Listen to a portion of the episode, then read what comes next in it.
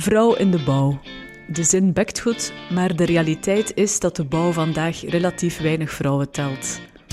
Naar aanleiding van Internationale Vrouwendag zetten wij enkele vrouwen in de spotlight. Wat is hun verhaal? Als vrouw, maar vooral als mens, als ondernemer. Vandaag met Isabelle Lapeyre van Lapeyre Woningbouw. Dag Isabel, welkom. Dag Sandrine, dank u. Alles goed? Alles goed, ja. We hebben een vlotte rit gehad, dus we zijn uh, tevreden. Blij dat je hier geraakt bent, inderdaad. Jij bent de zaakvoerster van Lapeyre Woningbouw. Vertel eens, wat doet Lapeyre Woningbouw? Met Lapeyre Woningbouw gaan we eigenlijk huizen op maat bouwen. Uh, en we willen eigenlijk voornamelijk de mensen inspireren en adviseren tijdens een zoektocht naar een woning. Um, dus ja, dat is eigenlijk in een notendop wat dat wij doen. Ja, dus totaal... Totaalaanneming, ja. Inderdaad. Je bent sinds 2019, dacht ik, zaakvoerster, maar eigenlijk draai je al veel langer mee hè, in de zaak. Ik ben inderdaad al een tijdje in de zaak. Ik heb uh, bedrijf ondertussen overgenomen van mijn vader, mm maar ben eigenlijk 16 jaar geleden gestart. Um, daarvoor had ik een heel andere carrière. Uh, ik ben eigenlijk economisch geschoold, mm. uh, werkte bij de Big Five dan. En toen dat mijn vader vroeg van zou je ons team niet versterken, ben ik eigenlijk eerst terug, terughoudend geweest toch wel. Ja, um, ja, ja, toch misschien een beetje, ja, ben economisch geschoold, wat ga ik doen in een technische job dan toch, wat dat de bouw toch wel zeker is. Um, ik heb dat dan, ja, ik dacht eigenlijk ook in eerste instantie van, hij vraagt gewoon een keer, ja, tussen de soep en de patatten, dus hij meende het niet echt, maar een jaar later was hij daar terug. Dan zei hij, zou je echt niet bij La Perre Woningbouw willen starten? Um, en ja, ik heb de sprong gewaagd, ik heb er nog geen seconde spijt van gehad. Hm. En als wat was je dan gestart in het bedrijf eerst? Uh, ja, ik ben eigenlijk eerst gestart in, in hetgeen dat ik sterk in was natuurlijk. Hé. Alles uh, van accountancy en fiscaliteit uh, nam ik direct voor mijn rekening. Alles van personeel ook. Mm -hmm. Dus meer een administratieve rol heb ik op mij genomen. Ja. ja. En was het dan al stiekem je droom om de boel over te nemen? Of, of dacht je daar toen aan? Toen je... ik heb wel van in het begin gezegd tegen mijn vader van als ik kom, is het wel de bedoeling om het bedrijf voor te zetten en niet gewoon hier... Uh, ja, voor jou te komen werken. Ja, voor jou te komen werken. Uh, en uh, ja, ik was me toen niet zo bewust van dat ik dat zo kordaat gezegd heb, maar nu nog altijd, als je tegen andere mensen erover babbelt, zegt hij van ja, ze zei, uh, moet je dan niet blijven zitten tot je zevenste? Uh, en dat ik dan uh, zelf 60 jaar ben tegen dat ik het bedrijf kan overnemen. Nu, kan u vertellen, hij is bijna het 70, mijn papa. Maar je schil, hij is heel vroeg begonnen met, dat, met de overdracht. Nee. Ah, hij was daar heel bewust mee bezig. Wat dat niet wil zeggen dat hij nu niet meer actief is, mm -hmm. maar hij heeft een heel andere taak op zich genomen. En ja, ik vind dat wel belangrijk dat je vroeg genoeg start met die overdracht. Um, voor mij is dat heel belangrijk geweest dat, dat, ik een hele periode kon meelopen met hem. Ja. Um, we zeggen altijd, hij heeft nu drie taken. Hij is ambassadeur, dat doet hij het liefst. Adviseur, maar ook depaneur. Um, dus gewoon het feit dat je weet dat je bij iemand terecht kan met je vragen. Hm. Of dat dat nu in een bouwbedrijf is of in een ander bedrijf. Uh, ik denk dat dat heel belangrijk is. Dat hij op jonge leeftijd toch, redelijk jonge leeftijd, die stap al gezet heeft. En dat we daar samen zijn kunnen groeien. Want ja, het traject is ook nog een beetje veranderd gedurende de looptijd. Ik ging eerst overnemen samen met mijn broer. Mm -hmm. uh, maar die is, heeft dan een andere weg ingeslagen. Dus dan moet je weer heroriënteren. En hij zegt nog dikwijls van... Uh, ik had dat moeten tegenkomen toen ik 65 was. Ik weet niet of dat ik de energie ging gehad hebben ja, ja. Om, om, om ja, heel die structuur terug te wezen. Ja. Dus ja, we hebben de juiste stappen op het juiste moment gezet, denk ik. Ja, inderdaad. Want omgekeerd was misschien niet het pad dat jij zoveel jaar geleden eh, voor ogen had of, of, of Nee, was. nee. Maar omgekeerd, jouw papa had wel dan dat pad voor ogen. Uh, ja, misschien niet 100% rechtstreeks. Het was wel zijn droom dat een van zijn kinderen de zaak ging overnemen, maar mijn broer uh, is eerst in de zaak gekomen, had ook een technische vooropleiding. Ja. Um, En ook, was ook super commercieel, Mhm. eh, maar iets minder dan leidinggevende. En dan, eh, ja, in dat kader heeft hij mij dan terug aangetrokken. hè. Ja. Ja. Maar mijn mama vroeger zei altijd van, ja, we zijn opgegroeid in de bouw. We hebben ze heel veel zien werken. Ehm, we zijn ook heel veel mee geweest naar werven in de vakanties, toen dat er geen opvang was of zo. Dus ik heb heel veel gezien. Maar voor mijn mama de droomjob was dat ik in het onderwijs of zo ging gaan. Ehm, en dat bevestigt toch wel soms een beetje ja, het cliché van hé, zoek maar voor de meisjes een veilige, stabiele job, dat ze tijd heeft voor haar kinderen. Mhm. Ehm, nu, want onderwijs was helemaal niets voor mij. Dus ik had wel wat mee... Ja, ik kan niet zeggen dat dat niet ambitieus is, maar dat ligt mij niet. Maar ik had heel andere ambities. Ehm, maar dan langs de andere kant, ja... eh La Perre Woningbouw is een KMO, een mooie KMO wel. Mhm. Maar ik zie mij ook nog altijd zitten voor mijn vader. Ik werkte toen redelijk internationaal van, ga ik wel genoeg werk hebben bij u? Ja. Ga ik wel genoeg uitdaging hebben? Ja, ze maar zeker wel wel, zei hij. En nu weet ik, ja, heel zeker genoeg uitdagingen. Je werkt heel breed. Ja, Ja. absoluut. Hm. Je- Je zei daarnet, eh je mama had een andere carrièrepad, zo meer het, het, het cliché, stereotype. Ja. Denk je dat dat nog altijd zo is? En toch als je naar de bouwwereld kijkt? ja. Ja. En niet alleen bij, bij meisjes of bij vrouwen. Ik denk dat, ja, ouders willen dat hun kinderen studeren en ver geraken en geen te lastige job Mhm. hebben. Ze willen het beste voor hun kinderen. Ehm, maar ik weet niet altijd of dat het beste voor hun kinderen precies betekent dat je ze in een bepaalde richting moet sturen. Eh, een goede stil kennen is minstens even belangrijk.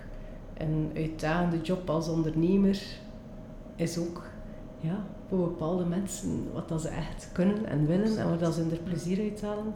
Ehm, maar als ouder, ja, toch een beetje dat beschermende. En je moet niet zo cholen like dat wij gechold hebben. Mhm. Ehm, En dan zeker als meisje waarschijnlijk nog eens. ja, en als vrouw dan toch die bedenking van voor je kinderen zorgen en die combinatie met een, met een carrière en het onderwijs zit je toch wel wat, Mhm. ja, op bepaalde vlakken en je andere voordelen.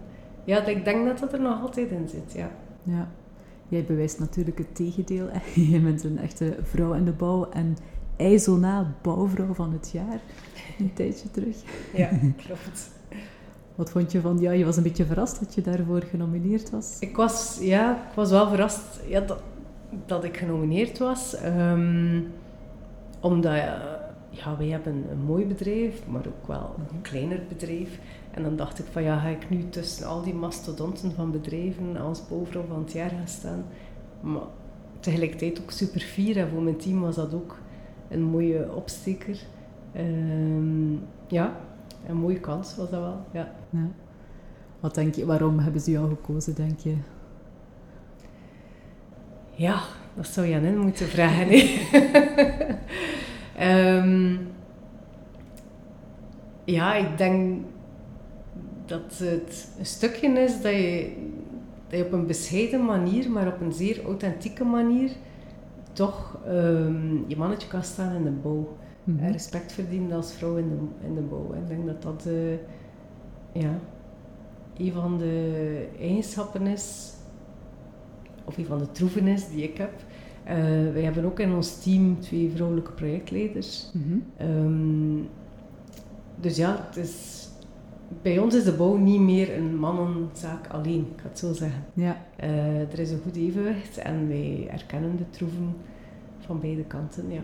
Ga je bewust op zoek naar vrouwen dan? Want je zegt, we hebben twee vrouwelijke projectleiders. Eh, dat is niet heel bewust gegaan, eh, maar achteraf gezien zijn we daar wel heel blij mee, omdat we doen totaalaanneming, dus in de afwerkingsfase zien we wel dat vrouwen een ander oog hebben voor details ehm, en de klanten daarin ook beter kunnen begeleiden. Ja. Ja, de vrouwen inderdaad, die hebben echt wel op- uiteraard een meerwaarde, maar de insteek, of, of hoe moet ik het zeggen, ehm, of vertel jij het mij, waar, waar, ligt dan de sterkte van een vrouw in de bouw? Eh, verschillende vlakken. Nee. Ehm, ik denk, wij zijn niet zo ego-gedreven. Dat staat ons niet in de weg. ik kan niet zeggen dat er geen vrouwen zijn met een groot ego, maar dat is toch iets anders, denk ik, uh, bij mannen dan bij vrouwen. Um, wij kunnen eigenlijk door ons kwetsbaar op te stellen heel veel verkrijgen van mensen. Dus wij hoeven niet te roepen en te bulderen. Dat was een beetje de stijl dat vroeger was in de mm. bouw. Dat is al lang gepasseerd. Um, maar we kunnen eigenlijk, ik kan niet zeggen tactisch, maar gewoon ja, op een authentieke manier mensen in een bepaalde richting sturen. En als projectleider is dat superbelangrijk, als leidinggevende is dat superbelangrijk. Um, maar ook in de omgang met uw arbeiders is dat heel belangrijk. Um, ja, ik denk dat dat een hele grote troef is. Ja, ja. dat is iets wat we inderdaad vaker horen, zo meer die ja, menselijke touch ook. Hè? Ja, en, uh, ja, een menselijke touch. Ja, heel veel arbeiders komen heel stoer naar voren, mm maar die zijn dat helemaal niet. Um, dus als je daar eigenlijk ja, voor open staat en ook bereid bent ook iets van hun op te steken. Mm want u natuurlijk even tegen dat respect verdient. Hè. Je komt natuurlijk toe als vrouw op een werf, mm zeker. Um, bijvoorbeeld ook in mijn situatie, de, de arbeiders, ja, die kenden mij als van klein meisje tot uh, puber. Dan ga je gaan studeren en ben je daar plots terug. Hé. Ja. Madame van de NIF had ik hier vertellen. Hé. Ja. En ze kan niet van bouw. dus dat duurt dan wel even tegen dat je dat respect verdient. Want ze hebben altijd met een andere blik naar u gekeken. Mm -hmm. maar uh, ja, door consequent te zijn, door ook advies te vragen aan hen en door ook durven toegeven dat je bepaalde zaken gewoon nog niet weet, um, krijg je wel een vertrouwen en dan gaat stapje per stapje. En dat gebeurde in het begin wel, dat ze achter mijn rug toch naar mijn vader belden. Um, of telefoneerden als er iets was. En, en totdat hij zei van ja, sorry, maar ik, heb daar, ik weet daar ook niks meer van. Ik heb daar niks meer over te zeggen. Ze zou moeten bellen naar Isabel. Ja. Toen kwam hij dat vertellen en dan duurde dat wel nog twee, drie dagen tegen dat dan toch. Maar hoe langer dat je er zit, uiteindelijk begin je dat zelf mensen aan te werven. Dus mhm. die heb je, heel, je veel sneller mee. Um, maar ook voor projectleiders juist hetzelfde. Uh, eerst de klantengesprekken voelen ze echt wel dat voorbehoud van oei, ja. het is een vrouw. Ja. ja. In hun ogen, de bouw, dat zijn mannen. Technische mhm. mensen, dat zijn mannen. Ja. Um, maar mijn projectleiders zijn ook, ja, zijn ook ingenieurs. Hè. Ja, ja. Dus die zijn ook super technisch. Um, ja, zij voelen dat elke keer opnieuw, dat ze elke keer opnieuw, ja, we werken met eenmalige klanten, elke keer opnieuw zijn moeten bewijzen. Ja. Maar dat duurt niet zo lang. Allee. Ze kunnen dat heel snel doorprikken. Ja, ja inderdaad. En omgekeerd maak je daar soms eens gebruik van, dat er uh, vooroordelen zijn tegenover een vrouw, dat je dan toch tegen je voordeel kan uitspelen. Goh, ik ben nu aan het pijzen aan een voorbeeld, maar ja, ja gebruik is, is misschien het verkeerde woord, maar, maar ja, ik denk als er problemen zijn of bepaalde situaties zich voordoen, dat wij toch een andere manier hebben om, daar, uh, om daarmee om te gaan. Mhm. Ehm, dat we eerder inderdaad snel proberen te polsen bij de mensen van wat is er nu echt het probleem. Ja. Het is niet altijd omdat ze in drukletters mail sturen of zo, mhm. dat dat het probleem van de dag is, maar meestal zit er iets anders achter. En gewoon dat, ja, daarover communiceren, daar naar vragen, um, sneller samenzitten ook, um, kun je heel veel oplossen. Ja. ja. Wat vond jij eigenlijk in jouw carrière bij La Perre, los van, allee, het kan te maken hebben met man-vrouw, maar los van man-vrouw, het, het moeilijkste om te komen tot waar je bent, als je zo terugkijkt? Um, ja, ik, ben natuurlijk leidinggevend. Um, Omgang met je personeel, met je arbeiders, met alle kleine achterliggende ja, al de kleine achterliggende problematieken dat zij meebrengen van thuis soms, je leert dat niet op school. Ja. En of dat je nu technisch of economische school bent, je, je leert niet hoe dat je daarmee moet omgaan. En dat vond ik wel de grootste uitdaging. Zelfs als vrouw, die, die, die geacht wordt om toch ja, iets empathischer te zijn. Ja. Um, nu weg dat ik van nature heel rationeel ben en dat de vrouwen rondom mij in de bouw ook wel rationele mensen zijn maar toch, ja, omgang met mensen, met personeel, met kleine onderhuidse zaken die leven, dat vond ik de grootste uitdaging. Ja. ja. Je zei in het begin, het was niet mijn, uh, mijn droom, of als, als kind dacht ik niet hè, te staan waar ik nu sta. Maar mocht je nu opnieuw je leven kunnen leiden, zou je dan al sneller in het bedrijf gegaan zijn? Of zeg je nee, mijn pad was zoals het moest zijn? Het was goed zoals dat was. Um, ik, het was wel nodig om eerst wel maturiteit elders mhm. te hebben. Allee, of, of ja, elders een carrière op te bouwen en daar zelfzekerder te worden voordat je dan in de schoenen uh, stapte van mijn vader. Dat wel. Um, want ik vroeg in het begin dikwijls van ja, aan mijn vader van hoe weet jij hier alles zo goed? Mhm. Buikgevoel, zei hij hem altijd. Want buikgevoel, je kunt dat wel niet leren, niet buikgevoel. en hij is klein gestart, maar ondertussen zijn we toch wel, uh, ja, werken met twintig man. Uh, je kunt niet meer alles doen vanuit buikgevoel. Dus ik moest overal systeempjes beginnen inbouwen, uh, structuren inbouwen, om, om controle te blijven hebben over mhm. alles. Uh, en hij zei altijd van, ja, maar je moet daar niet mee inzetten. Uh, je, moet, je moet niet de slimste zijn, je moet je laten omringen door de slimste mensen. Um, je moet er altijd advies vragen en, en zorgen dat ze betrokken zijn. Ik heb dat gedaan en dat werkt wel. Ik heb me eigenlijk een paar jaar geleden, omdat je nu aan het hoort van carrière switch en zo, een keer afgevraagd wat ik zou mhm. moeten naar beginnen. Zou ik iets helemaal anders willen doen? Ja. En nee, eigenlijk niet. Dus ik ben wel terechtgekomen waar dat moest terechtkomen. Dan is dat, ja, zit dat een beetje in je DNA of is dat door je opvoeding? Ik weet het niet, maar uh, content met wat we doen, ja. Vind je dat er te weinig vrouwen zijn in de bouw? Te weinig zaakvoerstersvrouwen of toekoer te weinig vrouwen? Um, ik, ja, ik weet niet of dat, dat nu in de bouw alleen is, maar um, ja, te weinig vrouwen die, die leiding geven, denk ik wel. Ehm, ja, ik denk dat wij te bescheiden nog altijd zijn. Dat wij te veel op de achtergrond blijven. En ik merk dat ook als je naar events gaat of netwerkrecepties, of dat dan nu mhm. bouwgerelateerd is of niet. Maar zaken die te maken hebben met ondernemen, ik ben ook voorzitter van Unizo, ja. Roeselare. Ehm, dat dat vaak nog een mannenwereldje is. Mm ja, en komt dat door bepaalde keuzes die gemaakt worden in een periode van je leven, dat je kinderen hebt of zo? Dat stereotype, ja. ja. Ik zeg altijd dat je kinderen krijgt, ik zie dat ook aan mijn personeel, dat kan, ze kunnen heel hard veranderen, maar een man blijft gewoon zijn ding doen, hè. een vrouw past daaraan. Ja. Ehm, maar als je, als je een bedrijf kan leiden, kun je ook wel je gezin leiden. Dus het is gewoon een kwestie van... Uh, ja, het laten omringen door de juiste mensen en te organiseren. Ja.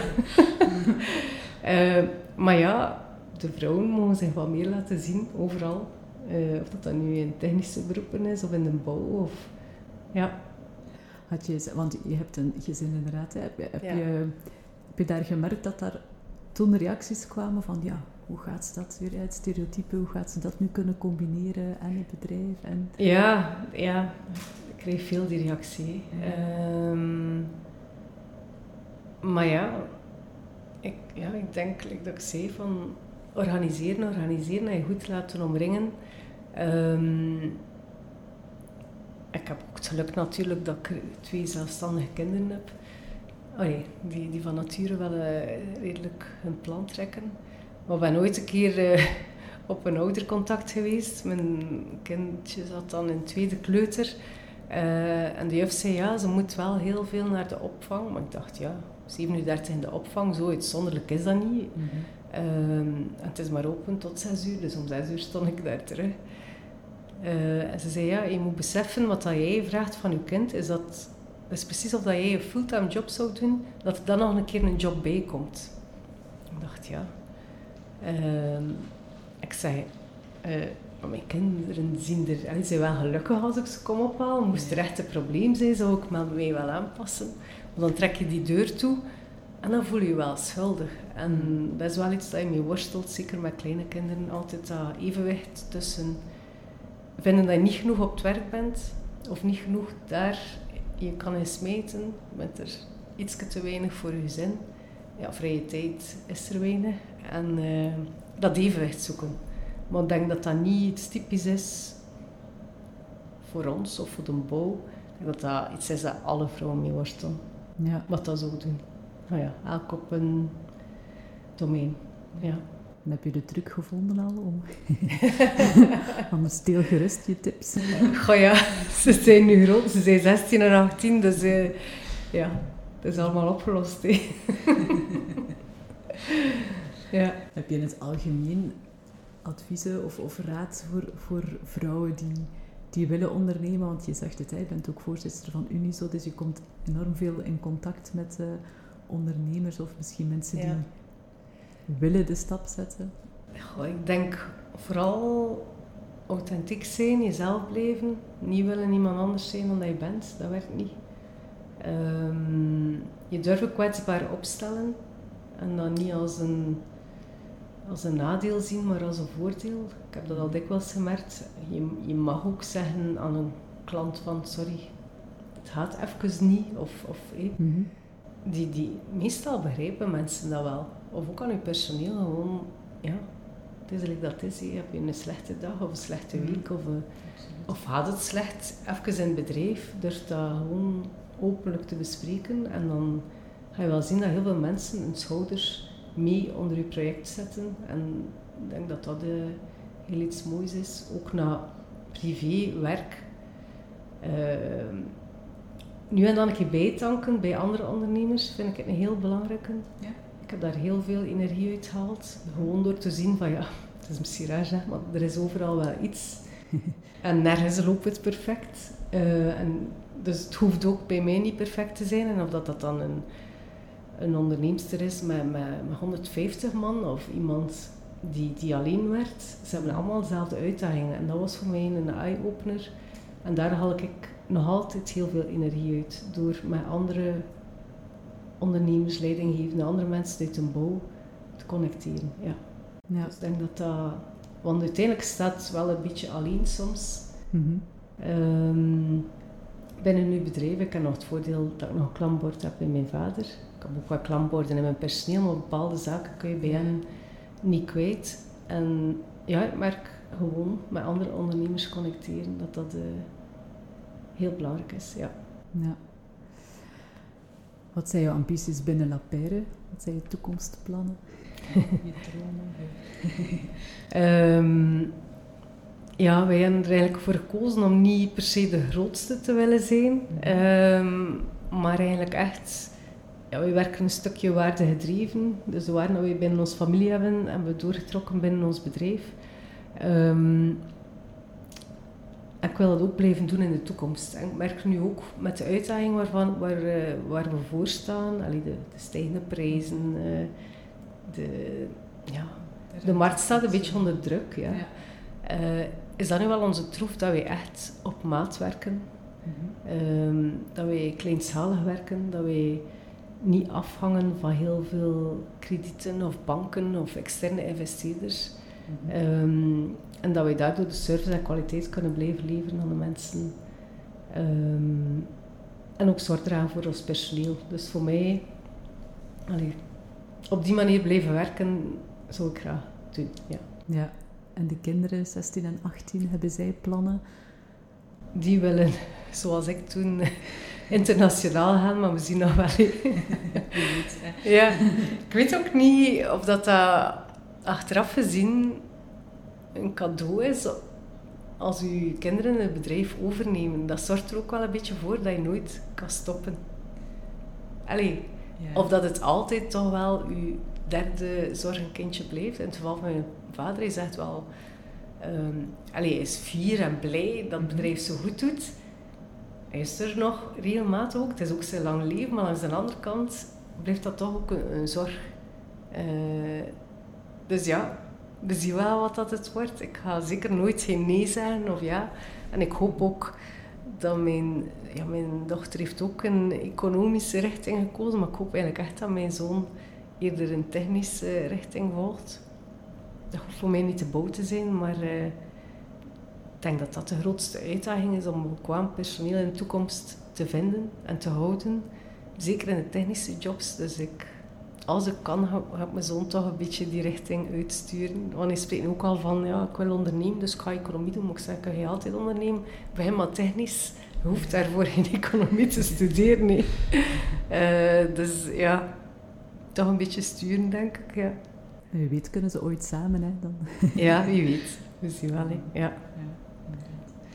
Misschien nog een, laatste vraagje. Um, we hadden het al over bouwvrouw van het jaar en nu ja, de podcast hier, Vrouwen in de Bouw. Is het eigenlijk nodig om daar echt zo mee bezig te zijn met vrouwen, ja of niet, in de bouw? Ja, ik ben, ben persoonlijk niet zo voor cliché, vrouw, man. Um, maar ik denk dat het heel belangrijk is, of dat niet vrouwen of mannen zijn, dat we mensen motiveren om in de bouw te gaan werken. Um, en in alle, op alle niveaus. Of dat we nu arbeiders zijn of uh, calculators. Uh, eigenlijk alles wat met de bouw te maken heeft. Het is zo'n mooie job. Um, je ziet ook resultaat effectief. Allee, we, zijn geen, we verkopen geen lucht, we zijn geen consultancybureau of een marketingbureau.